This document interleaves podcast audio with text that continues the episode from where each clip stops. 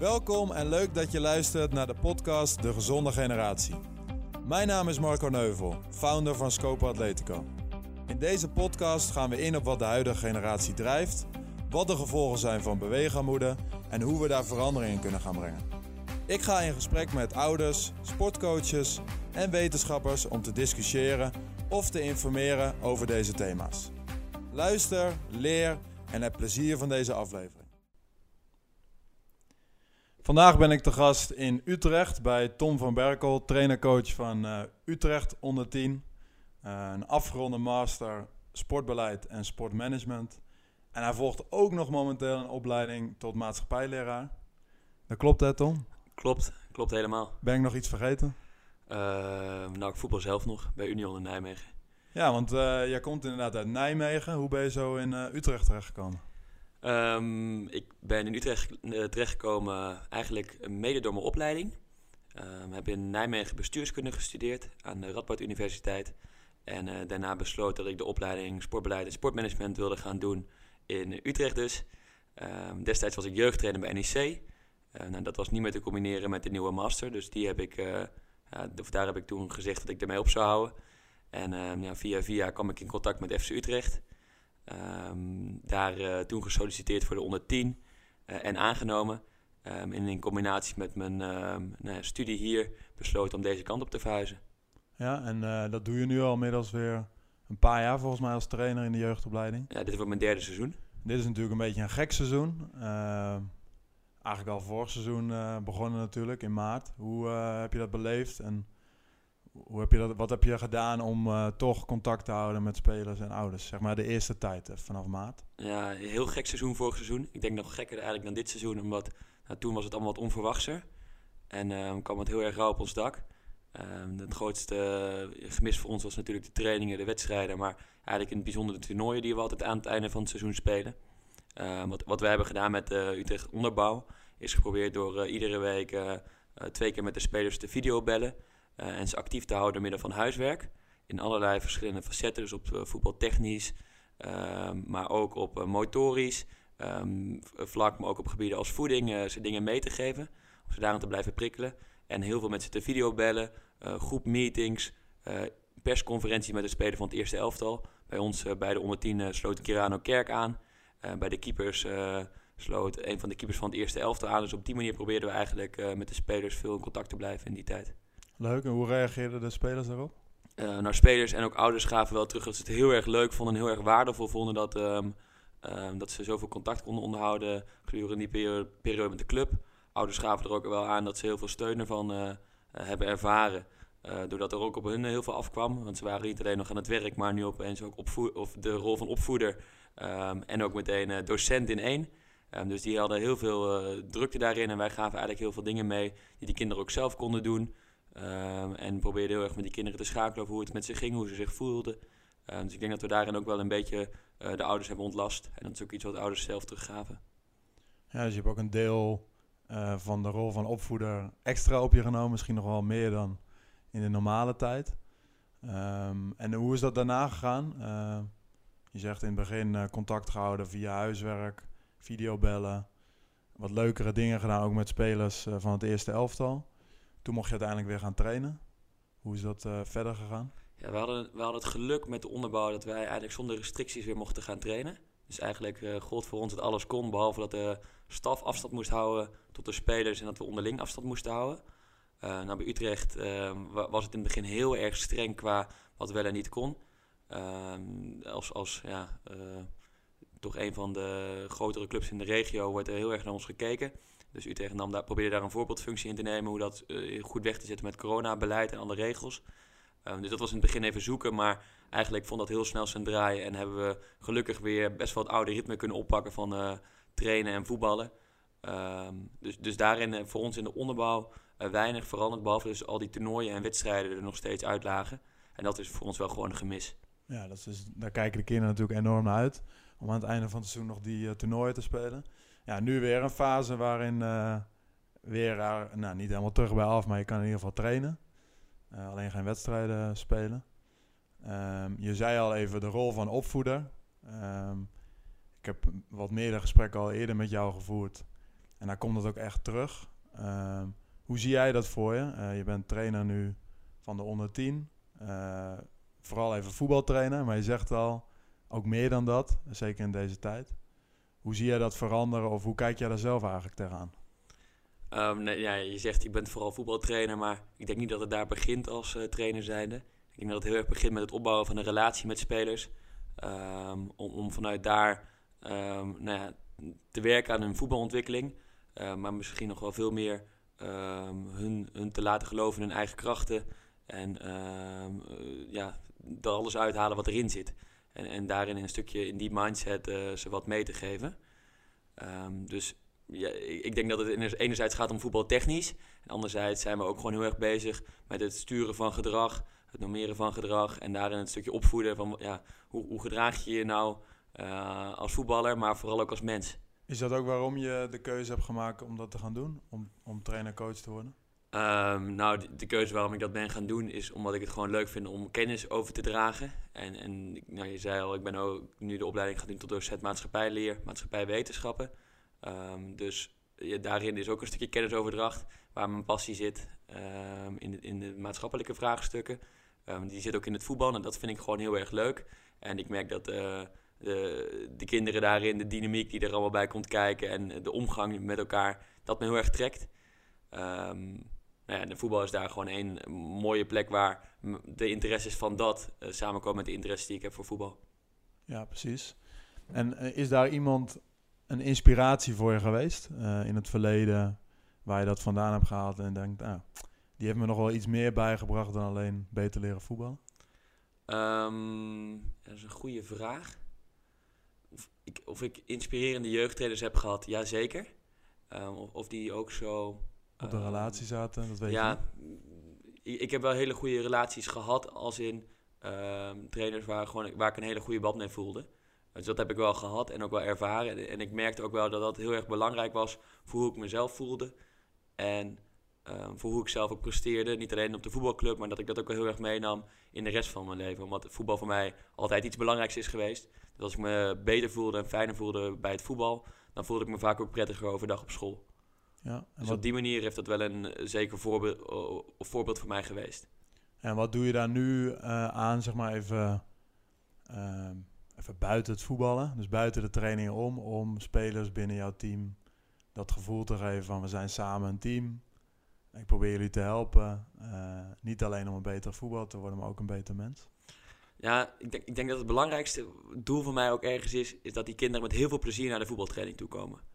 Um, en dat plezier wordt enerzijds bereikt, denk ik, doordat je uh, hard je best doet en dat uh, je samenwerkt voor een doel.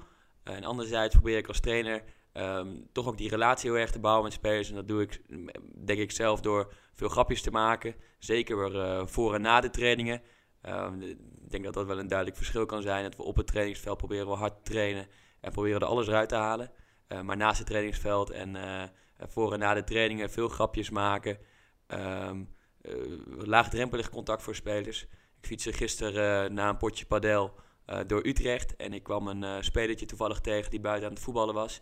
En eventjes stoppen langs de weg. Eventjes met een uh, het met hem gaat. Hoe de vakantie is. Hij heeft nu een aantal dagen vakantie. Wat hij aan het doen was. Um, mijn gevoel is dat spelers op die manier ook wel heel erg het gevoel hebben dat ik in ze geïnteresseerd ben. Um, nou, ik probeer dat zelf ook goed op de hoogte te zijn. Hoe het gaat op school. Of ze nog leuke dingen hebben gedaan in de vakantie. Wanneer ze een keertje aan de Efteling zijn geweest. Daar ook op terugkomen op die manier.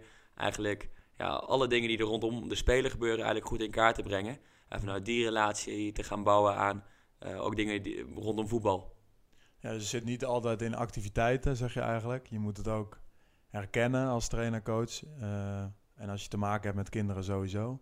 Dat wanneer je kinderen aandacht moet schenken en door moet vragen over wat ze hebben beleefd, wat ze leuk vinden. Dat is eigenlijk wat je zegt, toch? Dus je moet niet altijd zoeken in activiteiten. Ja, vooral die, die belangstelling tonen naar kinderen. Het gevoel hebben dat ze er zijn en dat ze er mogen zijn. Um, en, en ja, wat je zegt, uh, ik denk dat ieder kind op zoek is naar aandacht. En uh, als je ze niet geeft op een positieve manier, dan gaan ze lopen klooien. En uh, nou, dat zie ik ook wel eens gebeuren, maar vaak is dat een teken dat ik zelf gewoon wat meer aandacht moet besteden in hoe het gaat met die speler. En als ik dat doe, dan neemt het geklooi en dergelijke ook weer snel af.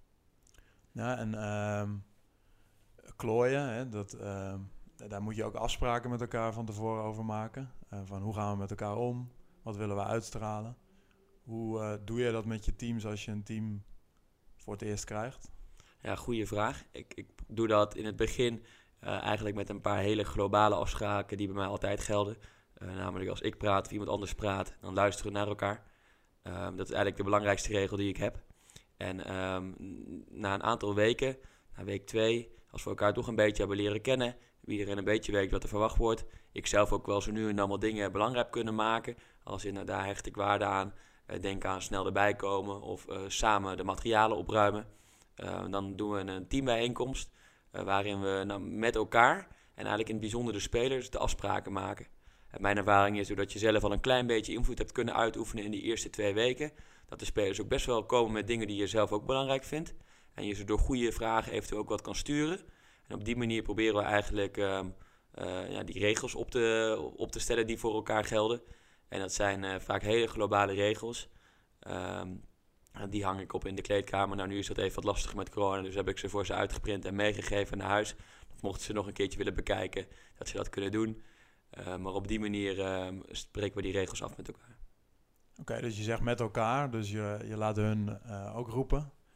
Hoe, hoe doe je dat? Nou, ik, ja, eigenlijk in een groep. En ik probeer ze eerst uh, samen in, in kleinere groepjes even aan de slag te zetten. Denken ze na welke regels vinden jullie belangrijk. En vervolgens in, in de groep eigenlijk die regels uh, en afspraken te verzamelen. Um, en um, ja, we gaan niet de regels afspreken als er iemand nog niet mee eens is. Dus de hele groep moet het ermee eens zijn. En ik durf dat denk ik ook wel los te laten als in... Um, ik, mijn vertrouwen is wel groot genoeg dat de spelers ook met regels komen... Die ik ook graag terug wil zien. En als ik daar niet helemaal mee eens ben met een regel of toch een, een ander gevoel over heb, dan, dan stel ik een paar vragen terug. En mijn ervaring is dat op die manier de regels best wel um, behoorlijk gestuurd kunnen worden richting de kant dat ik graag zelf ook zie als trainer. En waarin ik de dingen die ik belangrijk vind dat de spelers laten zien ook terugkomen. Um, maar dan is het nog steeds hun eigen ding en hun eigen regels. Mm -hmm. En mijn ervaring is dat ja, dat er wel voor zorgt dat kinderen de regels ook ja, beter naleven en beter gaan uitvoeren en elkaar er ook op gaan aanspreken. Ja, want gebeurt dat? Dat ze elkaar... Uh... Um, nou, in het begin nog niet zoveel. Ja. Maar, maar wat, wat, ik probeer te doen is te werken met aanvoerders. En uh, die aanvoerders worden op gekozen zaterdagmiddag na de wedstrijd. En ehm, die aanvoerders worden gekozen op basis van het gedrag de week van tevoren. En mm -hmm. dan gaat het over aanvoerdergedrag. Dus niet om degene die de beste paas heeft gegeven of de meeste goals heeft gescoord. Maar degene die dingen heeft gedaan, um, die passen bij aanvoerdergedrag. En vaak kan je dat heel mooi linken aan de regels en afspraken die zijn opgesteld. Een voorbeeld laatst op de training was een van de spelers, uh, uh, nou, die kreeg een uh, gigantische panna. Um, en daar mag best wel een beetje om gelachen geworden. Maar een aantal jongens ging dat even over in een stukje uitlachen. Ja. Um, en ook wel dat in die zin dat het een beetje vervelend werd voor de speler die de panna had gekregen. Dus met meerdere tegen één eigenlijk? Ja, ja. En, en er was één speler die stond eigenlijk op en die riep... Jongens, we lachen hier niet uit. Dat was voor mij een heel mooi moment als in, ik kon het heel mooi aangrijpen uh, richting, richting de groep. Uh, van uh, hoe die jongen dat oppakte. En daarmee meteen ook weer de norm zetten qua regels en afspraken. maar op zaterdag na de wedstrijd mogen de spelers zelf jongens aandragen. Die op basis van aanvoerdersgedrag in de, in de week van tevoren. En de spelers kwamen zelf dus ook met deze jongen naar voren. Van dit vinden wij eigenlijk de aanvoerder. Want hij sprak anderen erop aan toen ze iemand uitlachten. Mooi. Dus, dus die regels waren gaan leven in de groep. Die, die konden ook iemand positief daarop belonen, belonen. En die jongen werd dus de hele week aanvoerder. En is daarin dus verantwoordelijk voor uh, alle materialen. Je moet regelen dat alle materialen meegaan. Uh, het materiaal daarin als iets leuks en niet meer iets verplichts. Um, je moet regelen dat alles geregeld wordt op de wedstrijden. Als, in, als er een vrije trap is of een discussie. Uh, als er een keer een bijeenkomst of een teambijeenkomst staat hij vooraan om de dingen ook uit te leggen aan de spelers. Mm -hmm. Dus op die manier krijgt de aanvoerder heel veel verantwoordelijkheden op basis van zijn positieve gedrag. En hoe doe je dat met jongens die um, het eigenlijk lastig vinden om die rol op zich te nemen? Nou ja, het risico is natuurlijk dat altijd dezelfde jongens gekozen worden. Um, dus wat ik probeer te doen is, omdat wij twin game spelers op twee veldjes tegelijk, is dat één speler wordt gekozen uh, door de groep. Dus die jongens nomineren in totaal drie spelers en dan stemmen we op wie de aanvoerder is. Nomineren gaat met een uitlegje erbij en de andere speler kiezen wij als staf. Dan hebben we zelf nog iets meer invloed erop en kunnen we ook beter um, eigenlijk de inschatting maken wanneer een speler die misschien toch wat meer moeite mee heeft, wat terughoudender is, iets wat voor hem heel knap is, doet. Dus op die manier kunnen we eigenlijk alle jongens daarin uh, redelijk de kans geven en allemaal eigenlijk een keertje aanvoerder maken. En het zal best zo zijn dat er een andere, de ene iets vaker is dan de ander. Maar eigenlijk wordt iedereen op die manier wel meegenomen in het proces. Ja, en uh, jij uh, combineert dit allemaal met een uh, studie ook nog daarnaast. Hoe, hoe krijg je dat voor elkaar, om dat nog met de studie te combineren? Ja, nee, ik, dat doe ik eigenlijk al vijf jaar. Dus dat begon bij NEC um, toen ik de onder 10 deed. Toen studeerde ik ook, um, of onder 9 was het. ja, vrij drukke weken altijd met een studie erbij. En wat voor mij altijd heel erg heeft geholpen is gewoon heel erg goed plannen.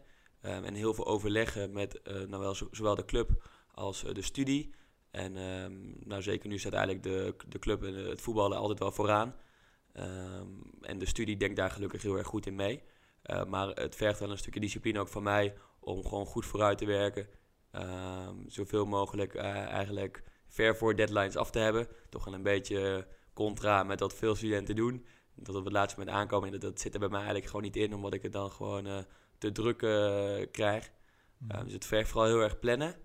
En um, ja, daar een stukje discipline om me daar ook gewoon aan te houden. Ja, dus daarin ben je misschien ook al een voorbeeld al voor je spelers. Ja, maar de, Hoe je dat doet? Maar, maar de Tom van zes jaar geleden was dat zeker niet. Nee, dat is wel iets wat ik de laatste jaren echt heb moeten leren. Ja, ja. En in je studie sportbeleid en sportmanagement heb je afgerond. Ja. Daarin heb je een thesis gedaan naar mentale vaardigheden in de jeugdopleiding van BVO's. Klopt. Uh, kun je daar uh, over vertellen wat daar precies de uitkomsten van waren? Ja, in het kort, um, ik, heb onderzoek gedaan naar hoe uh, BVO's betekenis geven aan het aanleren van mentale vaardigheden. vinden ze het wel of niet belangrijk? zien ze hier meerwaarde van in? En hoe ze dit vervolgens integreren in hun opleidingsprogramma's. Um, en nou, de, uitkomsten daarvan waren dat veel clubs het hartstikke belangrijk vinden dat uh, mentale vaardigheden aangeleerd krijgen. Um, en die mentale vaardigheden zouden gebruikt kunnen worden om de stress die zich mogelijk uit wat te verminderen. Dus dat je minder last hebt van stress. Of als die stress zich uit, er beter mee om kunnen, te kunnen gaan. Um, en, de uitkomsten waren dat, dat bij slechts een heel klein deel van de clubs um, de mentale vaardigheden op een proactieve manier. Dus al van tevoren, voordat de stress zich ook maar uit, al worden aangeleerd. Um, wat bij wel heel veel clubs gebeurt, is als die stress er dan is en het loopt over en het, het wordt te veel, dan biedt eigenlijk iedere club gewoon hulp. Um, dus die spelers die die stress ervaren en, het, en daarin echt uh, die negatieve stress er echt last van hebben, ja, daar wordt overal hulp geboden. Maar het echt proactieve manier aanleren van die mentale vaardigheden, dat blijft bij veel clubs achter.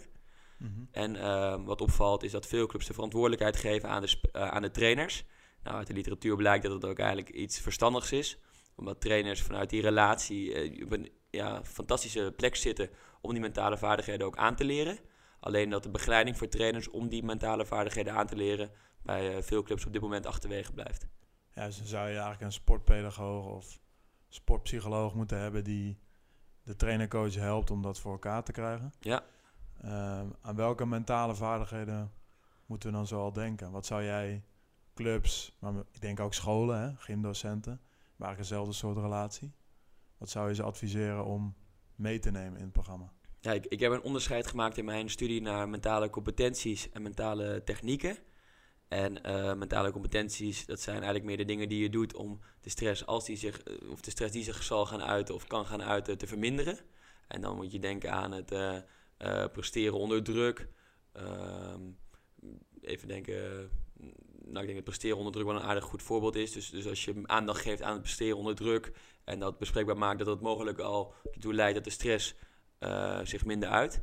Mhm. En als het gaat om de stress die zich uit, dan moet je denken aan ademhalingsoefeningen, visualiseren, ehm, dus dat soort dingen.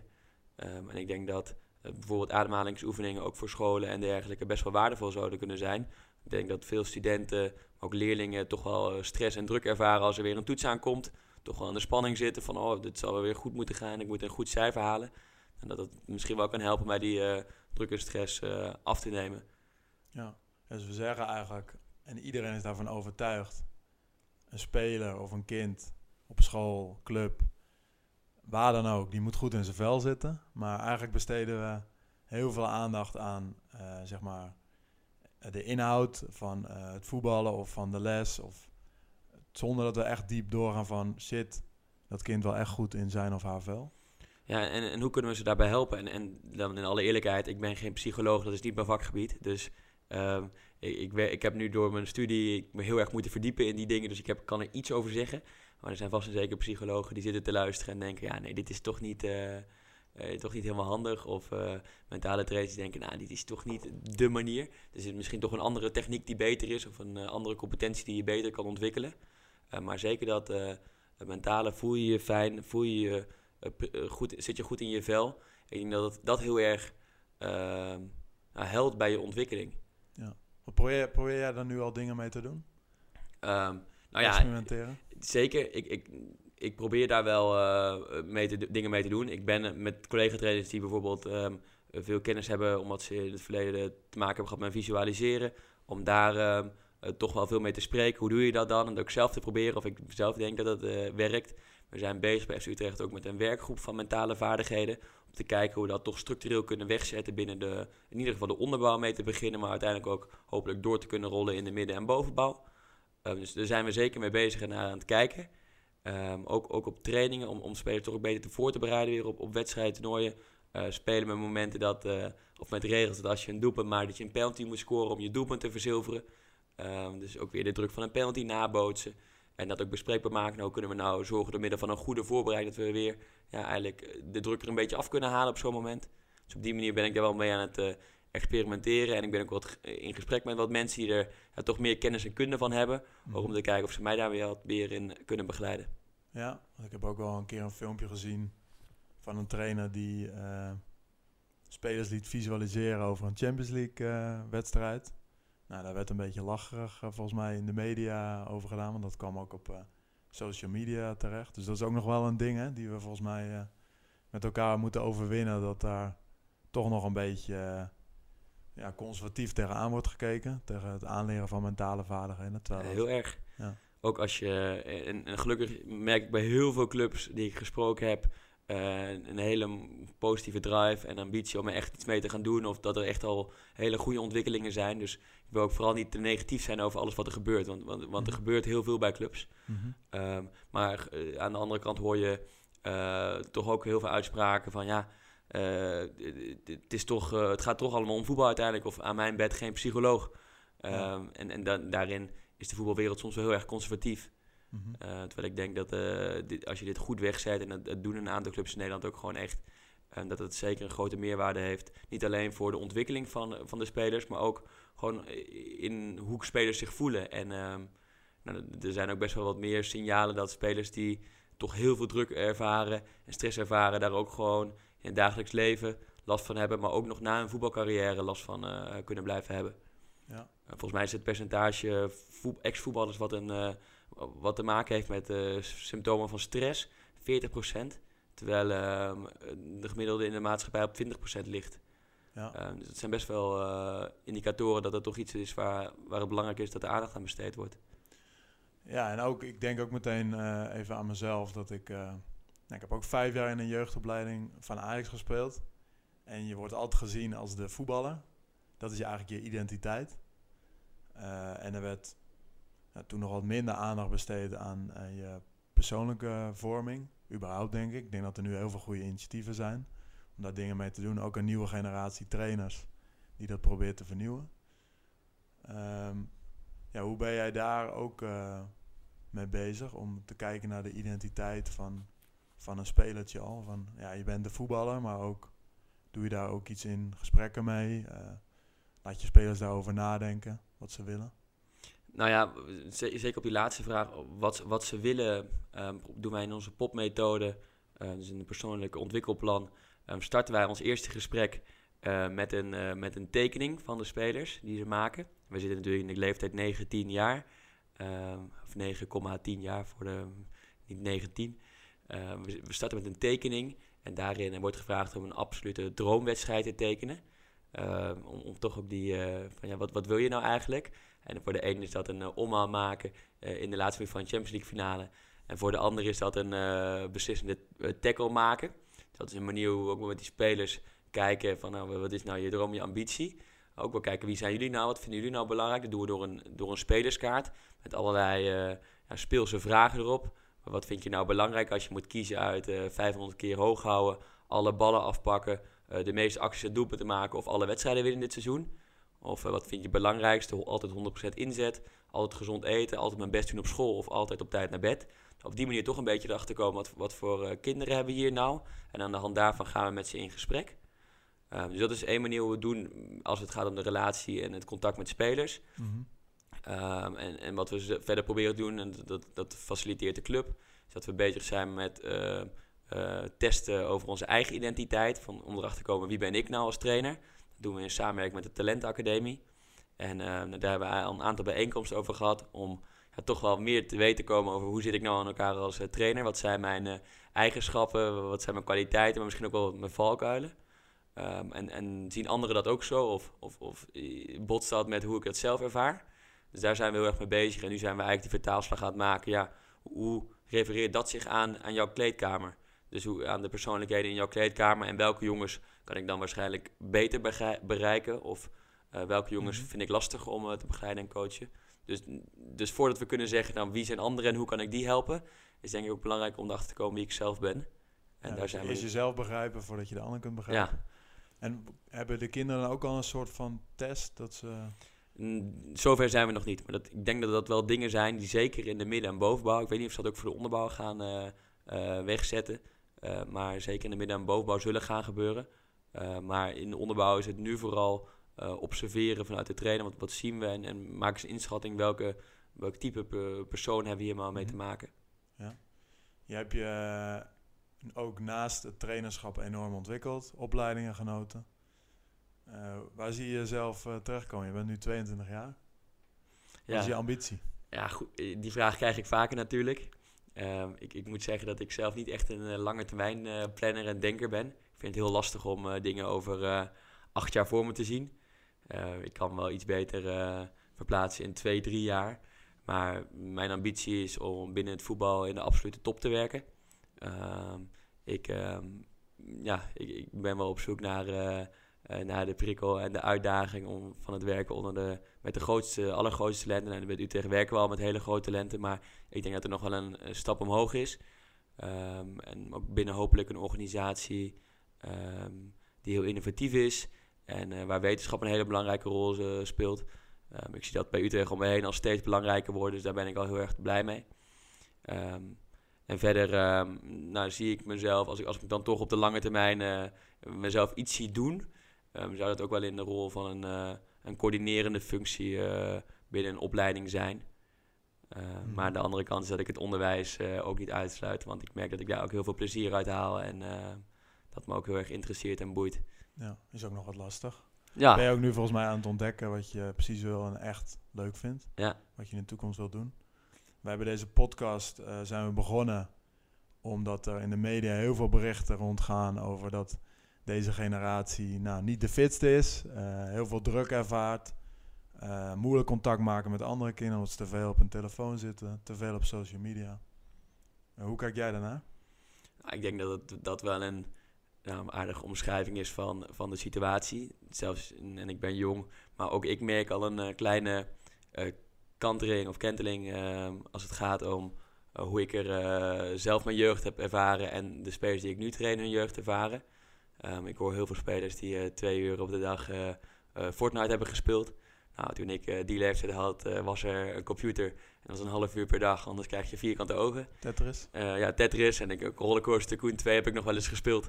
Dus op die manier kon ik mijn tijd nog wel invullen. Maar eigenlijk was alles buiten. En uh, nou, de regel was, als de straatlantaarns aangaan, ga je weer naar binnen. En nou, daar hield je ook aan. Dus je was de hele dag buiten tot de straatlantaarns aangingen. Mm dus, dus, ik denk dat daar zeker eh, op dat vlak eh, iets verandert. Ik denk ook dat, dat de, maatschappij steeds meer eh, gaat om presteren. Het is belangrijk, en dat, dat, dat, proef ik zelf ook die druk ergens, dat je een diploma haalt. Ehm, en ook dat je eigenlijk dat steeds sneller gaat doen. Waar vroeger nog wel eens verhalen hoorde van mensen die zeven jaar studeerden. Is het nu, als je één jaar studievertraging hebt, dat er al een beetje raar wordt gekeken. Ehm, dus, dus, ik denk dat die maatschappij daarin verandert. En ehm, dat inderdaad het, het social media, maar ook het uh, gamen een steeds belangrijkere rol neemt. En dat de dingen als buitenspelen en dergelijke toch wat verder op de achtergrond komen. En ook dat er een steeds grotere druk van presteren door allerlei actoren wordt gelegd op kinderen, ehm, jongvolwassenen. Maar daar heb jij ook mee te maken. Ja, eh, uiteindelijk ook wel in, in mindere mate. Ja. Dus hoe, hoe eh, moeten we dat omarmen? Moeten we het omkeren? Eh, telefoons eh, weg? Eh, Nou ja, ik, ik ben, het is natuurlijk hypocriet om te zeggen telefoons weg als ik er zelf ook veel gebruik van maak. Maar ehm, ik denk wel, nou ja, ik, ik ben blij dat ik in ieder geval zelf nu de keuze kan maken over wat ik belangrijk vind. En dat, dat komt doordat ik eigenlijk de dingen, of de verschillende dingen wel heb kunnen meemaken. Dus ik heb kunnen buitenspelen. Ik heb een leven zonder telefoon gehad. Ik heb ook een leven met telefoon gehad. En, en nu zit ik eigenlijk op een punt dat ik merk, ja, die telefoon, al die social media, dat levert me toch niet zoveel vreugde op dat ik eigenlijk eh, dacht misschien. Ehm, dus ik heb eh, vrij- vrijwel alle apps eh, op Instagram na verwijderd en mijn accounts erop verwijderd. Nog best een uitdaging overigens, want ze willen niet graag dat je gaat. Ehm, ik heb al mijn meldingen uitgezet, to- toch omdat ik het zonde vind dat ik zoveel van mijn dag eigenlijk op mijn schermpje kijk. ja. Ehm, en, en ik eigenlijk merk dat de meeste vreugde en alles ik haal uit het contact met mensen. En dat contact vind ik toch maar in beperkte mate op mijn eh, mobiele telefoon. Ja. Ehm, dus kan ik zonder? Nee, want het is een hele fijne vorm van laagdrempelig contact. Afspraken maken, snel iemand bellen, eh, dingen regelen. Maar kan het minder? Ja, zeker. En ik denk dat ik, dat nu, eh, of daarachter kan komen, doordat ik, ehm, dat dat voor mij zo geldt, doordat ik ook andere dingen heb meegemaakt. En dat zou ik kinderen wel erg gunnen. Dat ze zelf de keuzes blijven maken. En ehm, Ook de kinderen bij jou in team hebben net een telefoon? Ja, dit is normaal gesproken het jaar dat de meesten hun telefoon eh, krijgen bij ons. En dat is ook een beetje doordat wij in de onder 10 werken met gastgezinnen. En Ja. kinderen dan toch een telefoon meenemen in het gastgezin. Dus dat is ook een reden dat veel jongens bij ons een eh, telefoon hebben. Dus misschien ook weer een... eh, de toernooi, ik denk dat dat heel erg positief is voor de zelfstandigheid van, eh, van kinderen. Door de, zelf, door de gastgezinnen, het reizen zonder ouders eh, en de begeleiding die ze daarbij krijgen. De andere kant is dat misschien wel een van de nadelen is dat kinderen toch aan de, een eh, telefoon eh, ja, eigenlijk toch wel een beetje noodzakelijk eh, komen. Ehm, maar dit is een beetje de leeftijd bij mij dat ik zie dat de meeste kinderen een telefoon krijgen. Al hebben nu in het seizoen op dit moment, het is nu oktober, de meeste kinderen de telefoon nog niet. Dus jij gaat ze bewust maken van het feit dat het ook goed is om af en toe de telefoon weg te leggen. Nou, ik, hoop dat ik, ze, met elkaar te maken. nou, ik hoop dat ik ze in ieder geval kan stimuleren om in hun vrije tijd veel te voetballen. Ehm, ik denk dat ik dat in ieder geval ook wel heel erg probeer en aanprobeer te moedigen om lekker voetballen thuis. eh, met vriendjes eh, of zelf, als er geen vriendjes in de buurt zijn. En verder, eh, als het gaat om telefoongebruik, want ja, uiteindelijk is het er en, en moeten we er ook mee leven. Ik denk dat het een illusie is dat het ooit nog weg zou gaan. Dus we moeten, we moeten er ook iets mee en we moeten er mee leren omgaan. Ehm, wat wij wel proberen is, als we dan op een reis gaan met het team, ehm, in de busreis, en dat zijn soms best wel lange busreizen. Dus Ik ben twee jaar terug met de onder eh, eh, 11 naar Frankrijk geweest. Dat was een eh, busreis van eh 9, 10 uur. Ja, dan wel de afspraak met kinderen dat ze niet op hun telefoon zitten, eh, maar het contact met elkaar zoeken. Ga maar eh, spelletjes spelen. Eh, zet maar, eh, we zetten een luisterboek op. Eh, vermaak je maar, ga een boek lezen. En, en op die manier eh, de kinderen toch ook uit te dagen om zelf met eh, creatieve oplossingen te komen. En wat opvalt, ik heb het ook gezien in de treinreis die we maken met de onder 10 eh, jongens vorig jaar naar Duitsland. Kinderen komen eigenlijk zelf met ge- geniale spelletjes en ideeën. En kunnen zichzelf ook gewoon heel erg goed vermaken. Vinden het vaak ook leuker. Alleen het, het vermaak door de telefoon is gewoon dusdanig makkelijk. Dat kinderen zichzelf ja, er niet toe zetten om dat te gaan uitdagen of, eh, en ontdekken. Ja, dus je geeft ze een beetje richting en uiteindelijk vullen ze het zelf in. Ja, Ze moeten ermee leren omgaan, zei je. En een positieve invulling aan geven. Nou, ik denk dat het mooi is om eh, mee af te sluiten. Ehm, ik vond het erg leuk om eh, met je te spreken zo op deze manier. En weer wat dingen geleerd over hoe jij met spelers omgaat. En ze eh, niet alleen een betere, en, ja, betere voetballer maakt en uiteindelijk hun top laat halen. Persoonlijke top, maar ook een beter mens maakt. Dus mooi om te horen. Bedankt, bedankt voor je tijd. En ik hoop je nog vaker te spreken, Tom. ja graag gedaan. En ehm, nou, eh, erg leuk dat je hiermee bezig bent. En ehm, volgens mij is de ambitie om de gezondste generatie ooit te krijgen een hartstikke mooie. Dus eh, ik hoop dat we dat ook kunnen bereiken. Gaan we doen. Daar gaan we voor. Bedankt voor het luisteren naar de podcast De Gezonde Generatie. Hopelijk heeft het je geïnspireerd en wil je samen met ons van beweegarmoede naar beweegrijkdom gaan en zo de wereld een klein beetje beter maken. Laat ons weten wat je van deze aflevering vond via onze Facebookgroep De Gezonde Generatie of via andere socials. Tot de volgende aflevering van De Gezonde Generatie.